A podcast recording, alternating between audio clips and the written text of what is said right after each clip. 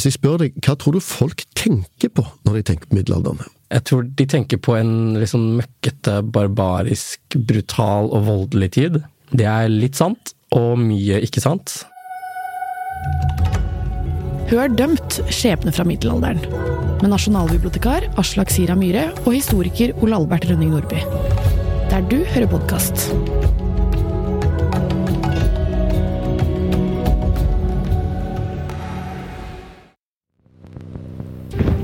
Du hører på gamle greier. I 1940 stamper tunge tyske støvler i takt ned Karl Johans gate i hovedstaden. Norge har blitt en del av Stor-Tyskland. Nazistenes grandiose planer setter i gang en dominokjede av begivenheter som påvirker folk over hele Europa. Nye landegrenser tegnes. Store menneskemengder må flytte. Eller flykter. Liv blir snudd opp ned. I Norge ser en tenåring mørkt på situasjonen. Gunvor Hofmo har et unikt talent for å skrive. Men når nazistene tar over, må hun sette ambisjoner og voksenlivet på vent.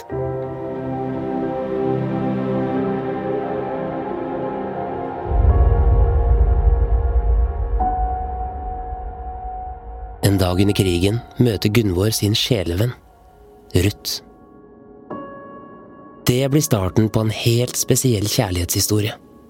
Som skal bli en kilde til dyp fortvilelse. Men samtidig bidra til at Gunvor en dag blir regnet som en av de aller beste lyrikerne i sin generasjon. Men anerkjennelsen har en høy pris. I kulissene kjemper Gunvor Hofmo en desperat kamp mot et dypt mørke.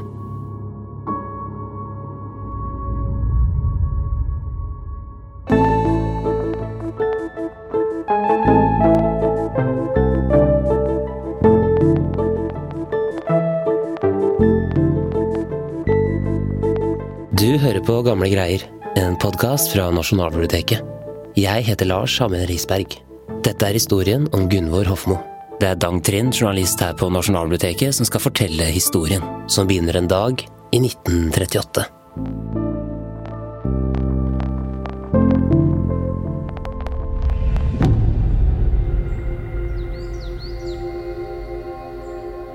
En tenåring satt i dyp konsentrasjon og grublet over verdensproblemene en vårdag i Oslo i 1938. De mørkeblå øynene til 16 år gamle Gunvor var alvorlige. Hun visste at det i Spania herjet en forferdelig borgerkrig, og den tyske statslederen Adolf Hitler hadde rett og slett annektert nabolandet Østerrike. Nå satt Gunvor og så ned på et hvitt papir.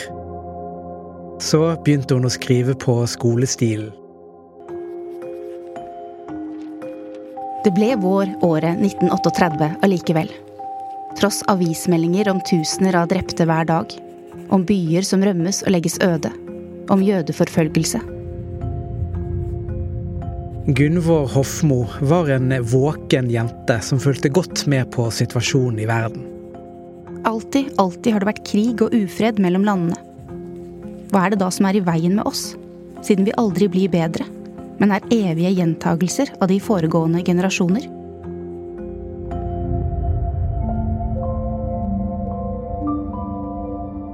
Gunvors skolestiler om storpolitikk og menneskeheten som aldri lærte av sine egne feil, var bare en av mange gode innleveringer. Den unge kvinnen hadde et stort litterært talent, mente en av lærerne. To år etter nådde Gunvors dystre spådom om krig og ufred Norge. Deutschland, Sieg, Heil! Heil! Gunvor var 19 år da uroen i Europa spiste seg inn i Norge.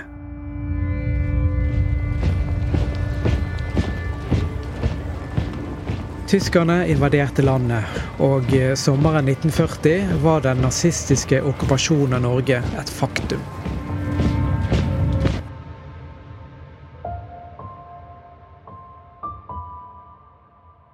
Gunvor sto på randen av voksenlivet. Hun var nysgjerrig på verden og alt livet hadde å by på. Så lenge hun kunne huske, hadde Gunvor skrevet dikt. Litteraturen var en trygg og god verden. Kanskje ventet en framtid som forfatter? Det var muligens en uoppnåelig drøm, men nå var hun uansett stuck under dette regimet som representerte alt hun hatet.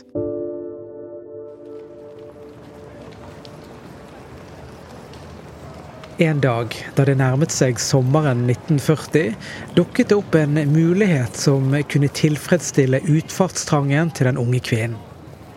Gunvor fikk en sjanse til å komme seg ut av den trange ettromsleiligheten hun delte med familien i Oslo. Unge kvinner som trengte jobb, kunne nemlig melde seg til arbeidstjeneste. De ble sendt til gårder rundt om i landet, hvor de kunne hjelpe til med alt fra innhøsting og annet gårdsarbeid mot kost og losji. Man hører i vinterhalvåret ikke så meget til kvinnelig arbeidstjeneste, men det drives like fullt et intenst arbeid. Og eh, utover vinteren kom en ny arbeider til gården. Det sto en ung kvinne med halvlangt, mørkt hår og briller foran Gunvor. Nykommeren het Ruth og kom fra Østerrike. Etter at Nazi-Tyskland annekterte Østerrike, hadde det vært for farlig å bli værende siden hun hadde jødisk bakgrunn. Ruth hadde derfor flyktet til Norge januar 1939. Og nå sto hun her foran Gunvor. Morsmålet var tysk, men Ruth hadde på rekordtid lært norsk. Gunvor fikk sansen for den nye jenten. Og eh, mellom gårdsarbeidet fikk de god tid til å bli kjent. Ganske raskt knyttet Gunvor nære bånd med Ruth.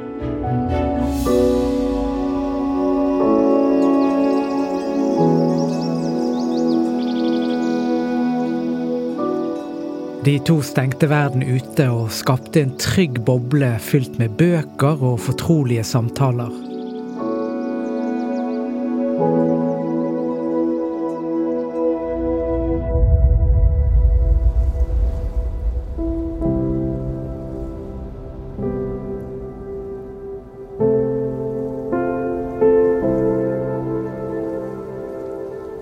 Ukene gikk, det ble stadig kaldere, og snart kom vinteren, og snøen lavet ned og dekket husene og jordene. Verden ble blendende hvit, og Mjøsa frøs til. På julaften hadde jentene i arbeidstjeneste på gården pyntet og gjort det koselig. Men det var ikke alle som ville være med på feiringen, observerte Gunvor.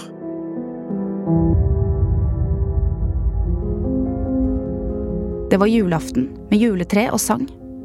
Men så var det en som nektet å synge Deilig er jorden ved tanken på all krig og elendighet i verden. Da reiste Ruth Maier seg og holdt en gripende forsvarstale for livet. Ordene husker jeg ikke lenger, men vi så i hvert fall våren for oss. Grønne marker. Det sto som et lys fra henne. At venninnen fra Østerrike som hadde flyktet fra hjemlandet og var langt borte fra familien, tok ordet på denne måten, gjorde sterkt inntrykk på Gunvor. Og vennskapet det vokste seg stadig sterkere, selv om de to hadde helt forskjellig bakgrunn. Gunvor var fra et arbeiderklassehjem og oppvokst med trang økonomi, mens Ruth på den andre siden kom fra et overklassehjem i kultur- og verdensbyen Wien. Men de to hadde likevel mye til felles. Begge var smarte og kvikke, og ikke minst, de delte en kjærlighet for litteratur. Da Ruth flyktet til Norge, var det mye hun måtte forlate, men det viktigste hadde hun med seg. Flere kasser med tunge bøker. Gunvor så en melankoli i Ruths øyne. Den unge kvinnen fra Østerrike var helt alene i Norge. Moren og søsteren hadde flyktet til England, og Ruth ønsket å bli gjenforent med dem, og hun holdt kontakten gjennom brev. I noen av brevene nevnte hun norske Gunvor, som hun så raskt hadde knyttet et sterkt bånd til. Jeg har elsket henne så lenge at det gjør vondt, men nå vet jeg at hun også liker meg. Hun har et lite kammers, der snakker vi ofte sammen. Senere skrev Ruth i dagboken sin. Gunvors øyne er mørkeblå, de er uten bunn. Jeg har aldri sett et så godt menneske. Hun er også god mot meg. Siden hun er så god, våger jeg å vise at jeg er glad i henne. Dagen blir lysere når man er glad i noen.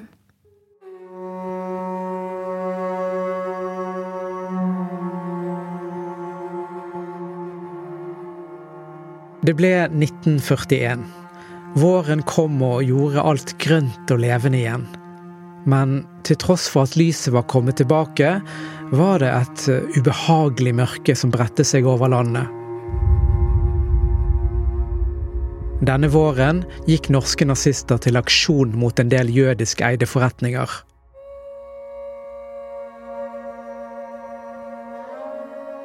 Med pensler dyppet i hvit maling skrev de 'jøde' med store bokstaver på butikkvinduer for at folk ikke skulle handle der. Gunvor ble stadig mer bekymret for Ruth. For selv om de levde et relativt bekymringsløst liv på gården, fikk de vite om hendelser ute i verden. Og dessuten hadde Gunvors onkel, Rolf Hofmo, en engasjert idrettsleder og arbeiderpartipolitiker, blitt arrestert av nazistene før jul for å ha nektet å føye seg for dem. Gunvor skjønte for alvor at dette regimet ikke var til å spøke med.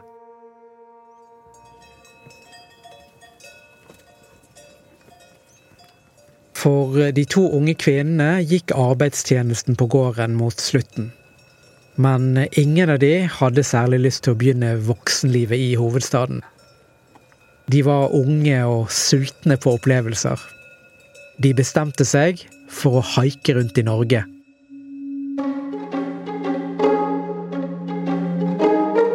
Da sommeren kom, var tiden inne. Det boblet i Gunvor, som lengtet etter å komme seg ut, se nye ting med Ruth og den lille venninnegjengen.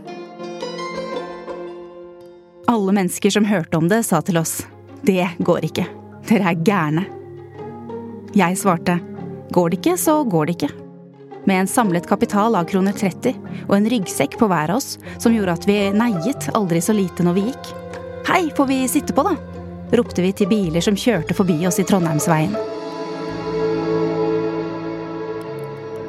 Og det var mange som stoppet. Nå var eventyret i gang. Gunvor, Ruth og to andre venninner haiket seg gjennom landet. Håret blafret i vinden mens de satt på humpete lasteplan mens det grønne landskapet suste forbi. Ja, der satt vi altså. Oppe på mursteinslasset. Mens vi kjørte mot sommeren, som helt og fullt var vår. Jentegjengen reiste på Lykke og Fromme og overnattet der gjestfrie folk hadde et ledig rom. Gunvor, som stadig fylte notatblokka med dikt, hadde et stort ønske om å dele lyrikken sin med andre, nå ut til folk. Og denne sommeren 1941 gikk en drøm i oppfyllelse.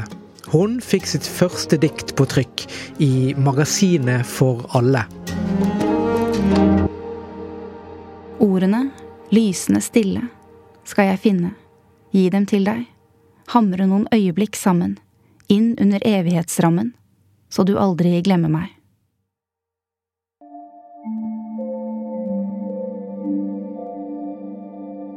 Et stykke ut i reisen var det bare Gunvor og Ruth igjen.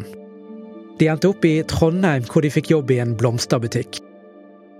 Det spilte ingen rolle om sommersol stekte eller regnet høljet ned. De to var sammen. Ukene med frihet, eventyr og latter var limet som klistret de enda nærmere hverandre.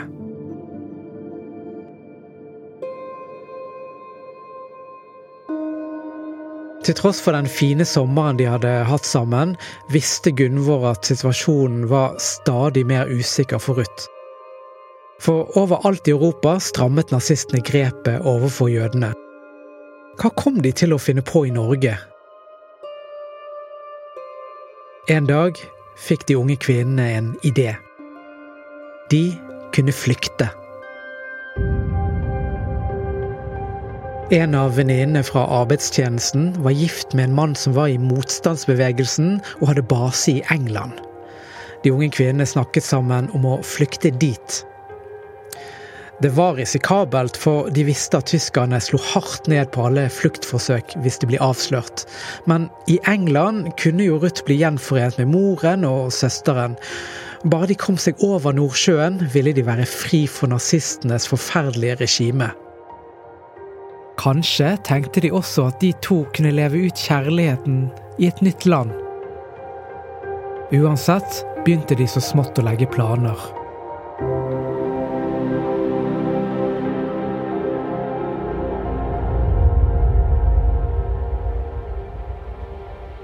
Men en dag fikk de en trist nyhet. Venninnen som hadde en ektemann i England, fikk vite at han var død. Fluktplanene ble straks mye vanskeligere uten kontakten i motstandsbevegelsen. Gunvor visste at mange hadde flyktet over grensen til Sverige. Det var jo en mulighet. Men til slutt bestemte de seg for å droppe det hele. Det skulle vise seg å bli en skjebnesvanger tabbe.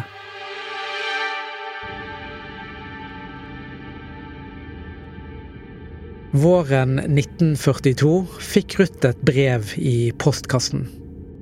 Da hun åpnet konvolutten og fisket ut papiret, så hun et skjema.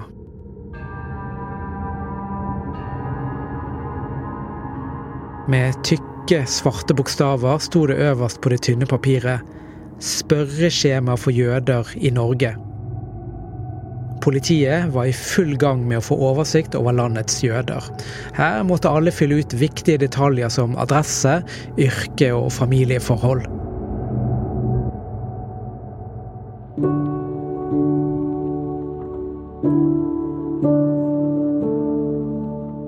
Et bilde fra april 1942.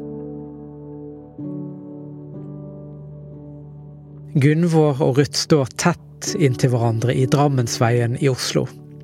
De står skulder til skulder og ser rett fram inn i kamera. Begge har halvlangt, mørkt hår som rekker litt forbi ørene. De har på seg mørke strømper og sko. Og frakk som rekker de litt over knærne.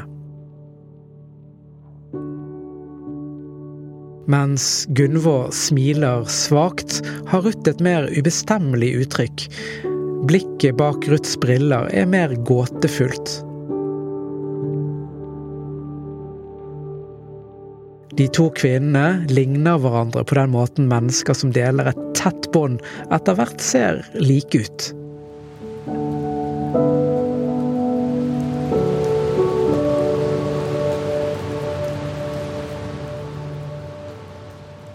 Høsten kom.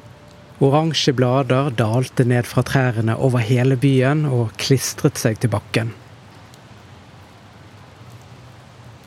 Gunvor visste at Ruth hadde flyktet til trygghet i Norge tidlig i 1939. Nazistene hadde gjort Wien og resten av hjemlandet hennes ulevelig, og nå gjorde de livet til venninnen surt nok en gang. 25.10.1942 skrev Ruth i dagboken sin. De arresterer alle mannlige jøder fra 16 til 72 år. Jødiske forretninger er stengt. Det forbauser meg ikke. Jeg blir bare kvalm. Bare én måned etter at de mannlige jødene ble arrestert, var det kvinnenes tur.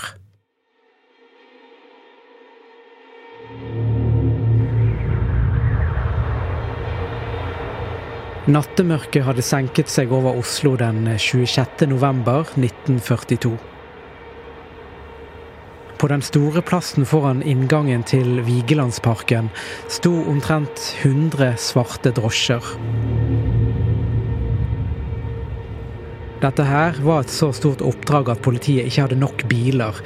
De måtte få hjelp av byens drosjesjåfører. De fremmøtte hadde fått en klar instruks. Alle kvinnelige jøder med J i passet samt deres barn skal anholdes. Politiet og deres hjelpere hadde lister med navn og adresser.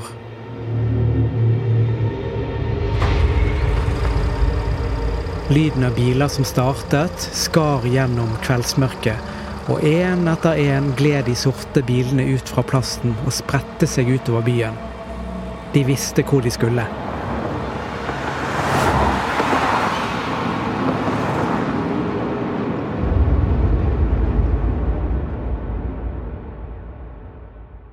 Ruth leide en hybel i en fireetasjers høy bygård på Sankthanshaugen i Oslo. Englehjemmet het hybelhuset.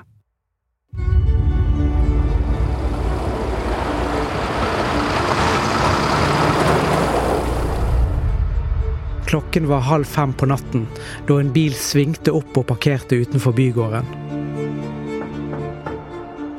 Like etter banket politiet på.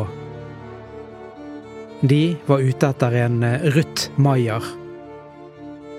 Politiet må ha bråkt noe voldsomt, for jentene på hybelhuset vekket hverandre. Ruth ble tatt, ble det sagt. Jentene sto i trinnene oppover trappen. Ruth så på dem mens hun ble ført ned med en politimann på hver side.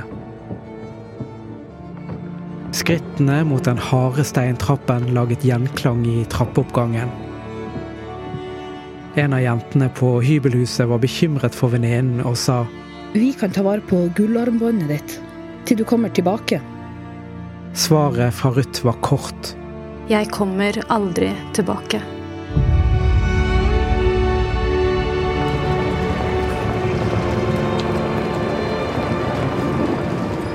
De to politimennene førte Ruth ut på gaten til bil som ventet. De åpnet bildøren, og hun satte seg inn i baksetet, der det allerede satt to unge kvinner med tårevåte ansikt. Bilen kjørte av gårde. Duren fra bilmotoren ble fjernere og fjernere, og til slutt var bilen bare en svart prikk som gled gjennom gatene. Målet var Oslo havn, nedenfor Akershus festning. Der ventet lasteskipet Donau.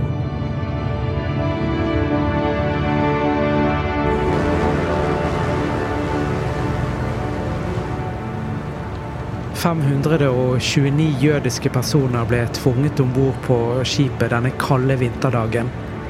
Ruth Maier var en av de. Da Gunvor fikk høre hva som hadde skjedd, skyndte hun seg ned til havnen. Hun hastet mot skipet. Gunvor visste at hennes store kjærlighet Ruth var om bord. Men hun ble stoppet av vaktene. Det var ingen bønn. Hun fikk ikke ta farvel.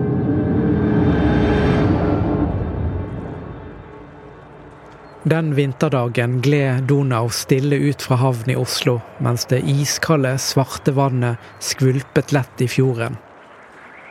Igjen var en søndag knust Gunvor Hofmo.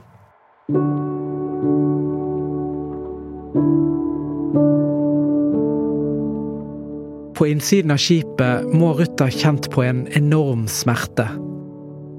Men hun ville ikke dra uten noen siste ord til Gunvor.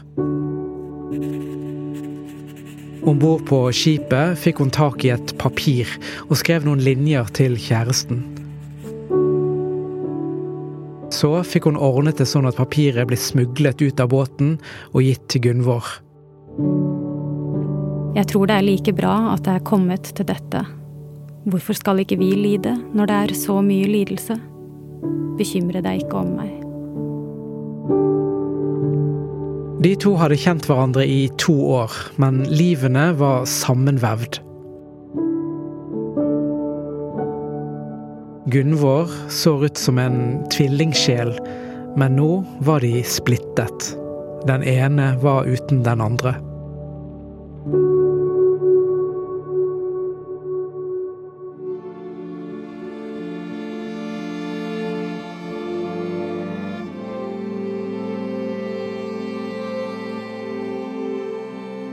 En voldsom smerte overveldet Gunvor. Savnet og tomrommet etter Ruth var ikke til å bære. Ukene og månedene gled av gårde, og hun ventet på et livstegn, et brev fra Ruth.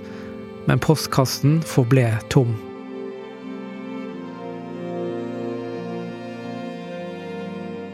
Året etter, i 1943, ble Gunvor innlagt på sykehus for depresjoner.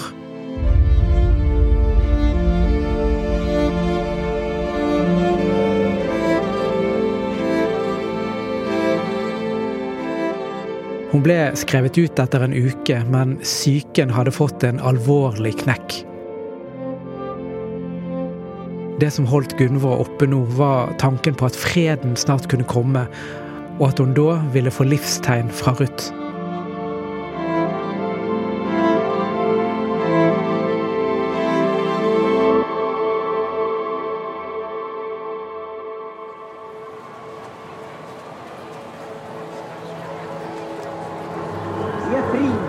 Vi er fred. Et Norge i tindrende glede har feiret sin gjenfødte frihet i disse hektiske dagene. Undertrykkelsens endeløse år er forbi.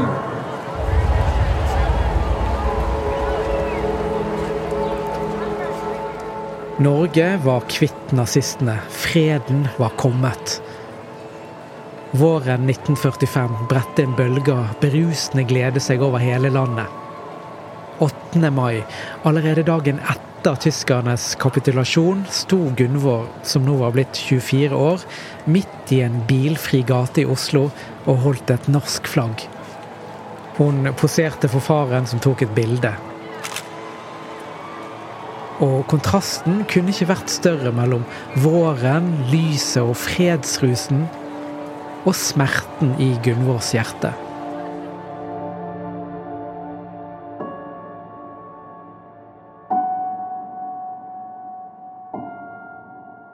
For det hadde ikke kommet noe livstegn fra Ruth. Gunvor fikk vite at Ruth hadde endt opp i konsentrasjonsleiren Auschwitz. Der hadde hun blitt myrdet.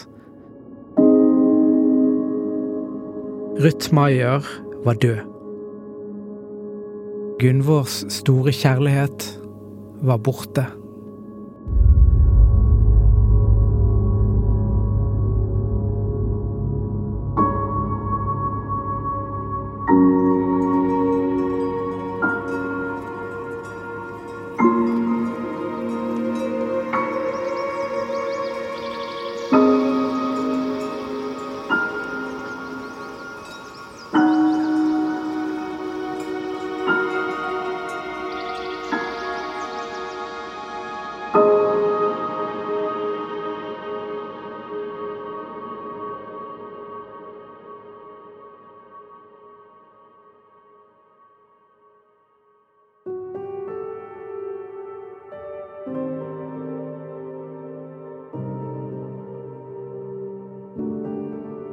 Gunvor fant en slags trøst i lyrikken, og hadde stadig et håp om å nå ut med diktene sine. I 1946 gikk drømmen i oppfyllelse. Da kom diktsamlingen Jeg vil hjem til menneskene. De første linjene fra diktet Møte var gjennomsyret av savnet etter Ruth. Slik en regnvåt kveldsstund. Kjenner du det er henne? En jødisk venninne de drepte. Hun hvis lik de lot brenne. Sammen med tusen andres. Diktsamlingen ble rost opp i skyene av kritikerne. Gunvor Hofmo hadde startet et lovende forfatterskap. Og nå som freden hadde kommet, var det fritt fram for å dra ut i verden. Men det var likevel en skygge i livet hun aldri ble kvitt. En høstdag i Paris skrev Gunvor i dagboken sin.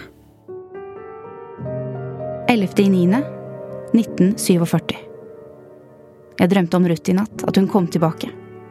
Hun hadde vært på Grini hele tiden. Hadde ikke blitt sendt til Tyskland. Da sa jeg, men hvorfor ga du ikke beskjed, ikke et livstegn? Hele mitt liv ble ødelagt for din skyld. Hun bare trakk på skuldrene, som hun pleide. Da ble jeg helt fra meg av fortvilelse og skuffelse, og jeg så at hun angret. Gunvor Hofmo slet med å bearbeide det voldsomme savnet til Ruth Maier. Hun ble etter hvert langtidspasient på Gaustad sykehus i Oslo i over to tiår. Hun fortsatte likevel å skrive, og ga ut 20 diktsamlinger, og anses å være en av sin generasjons viktigste diktere. Krigens redsler, menneskenes mørke og tapet av kjæresten Ruth, som ble drept av nazistene, satte sitt preg på hele Gunvor Hofmos litterære verk. Hun døde i 1995. Gunvor Hofmo ble 74 år gammel.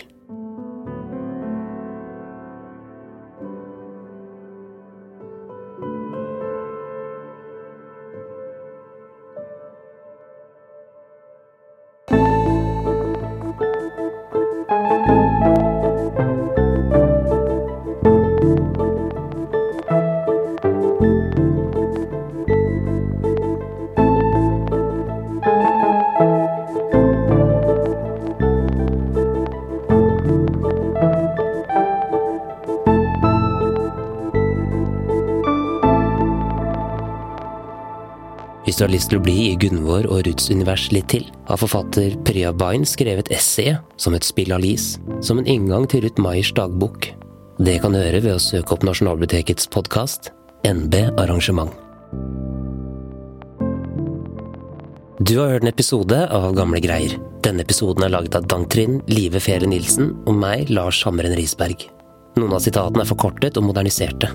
Kilder til episoden er Skeivt arkivs artikkel om Ruth Maier av Raymond Wolfert, og bøkene Mørkets sangerske, en bok om Gunvor Hofmo av Jan Erik Vold, Verden og buksene av Kaja Skjerven Molerin, Venn, jeg har våket av Jan Erik Vold.